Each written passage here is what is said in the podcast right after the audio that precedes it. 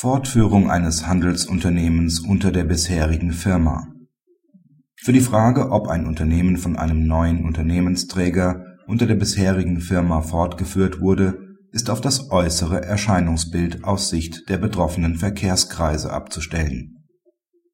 Die Klägerin nimmt die Beklagte nach den Grundsätzen der Haftung für eine Firmenfortführung gemäß § 25 HGB aus einem Vertrag mit dem ursprünglichen Unternehmensträger in Anspruch.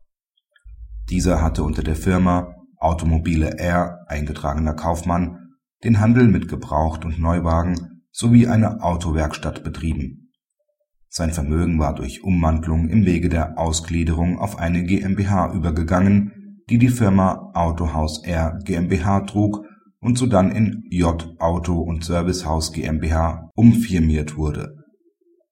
Innerhalb von weniger als zwei Monaten hatte der frühere Inhaber Jr der auch Geschäftsführer der jetzigen Unternehmensträgerin war, sodann zwei neue Gesellschaften gegründet, die nunmehr beklagte R Automobile GmbH und die R Service GmbH und auf diese vertraglich den Autohandel einerseits und den Betrieb der Autowerkstatt andererseits übertragen.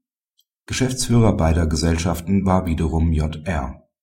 Beide Gesellschaften führten die Geschäfte in denselben Räumlichkeiten unter derselben Anschrift mit denselben Telefonnummern und unter der gleichen Internetadresse mit im Wesentlichen unveränderten Internetauftritt gegenüber dem unveränderten Kundenstamm fort. Der BGH bestätigte die Entscheidungen der vorhergehenden Instanzen, die der Klage stattgegeben hatten. Der kurzzeitig abweichende Auftritt des Unternehmens unter der Firma J Auto und Servicehaus GmbH hindere die Anwendung des § 25 HGB nicht, wenn die Kontinuität der alten und jetzigen Firma aus der maßgeblichen Sicht der beteiligten Verkehrskreise gegeben sei. Der Unternehmensfortführung stehe es außerdem nicht entgegen, dass das frühere einheitliche Unternehmen von zwei Gesellschaften fortgeführt werde und die Beklagte einen geringeren Umsatz erziele als die Air Service GmbH. Der den Schwerpunkt des Unternehmens bildende wesentliche Kern sei der Tätigkeitsbereich, mit dem das Unternehmen nach außen in Erscheinung trete durch den Auftritt als Autohaus bilde der Handel mit Automobilen vorliegend gegenüber dem Werkstattsbereich unabhängig vom Umsatz den wesentlichen Geschäftsbereich.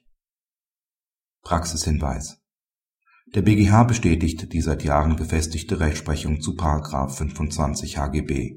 Auf den in der derzeitigen wirtschaftlichen Situation äußerst relevanten Fall des Erwerbs eines Handelsgeschäfts aus der Insolvenz findet § 25 HGB nach allgemeiner Ansicht aus Gründen der Gleichbehandlung der Insolvenzgläubiger indes keine Anwendung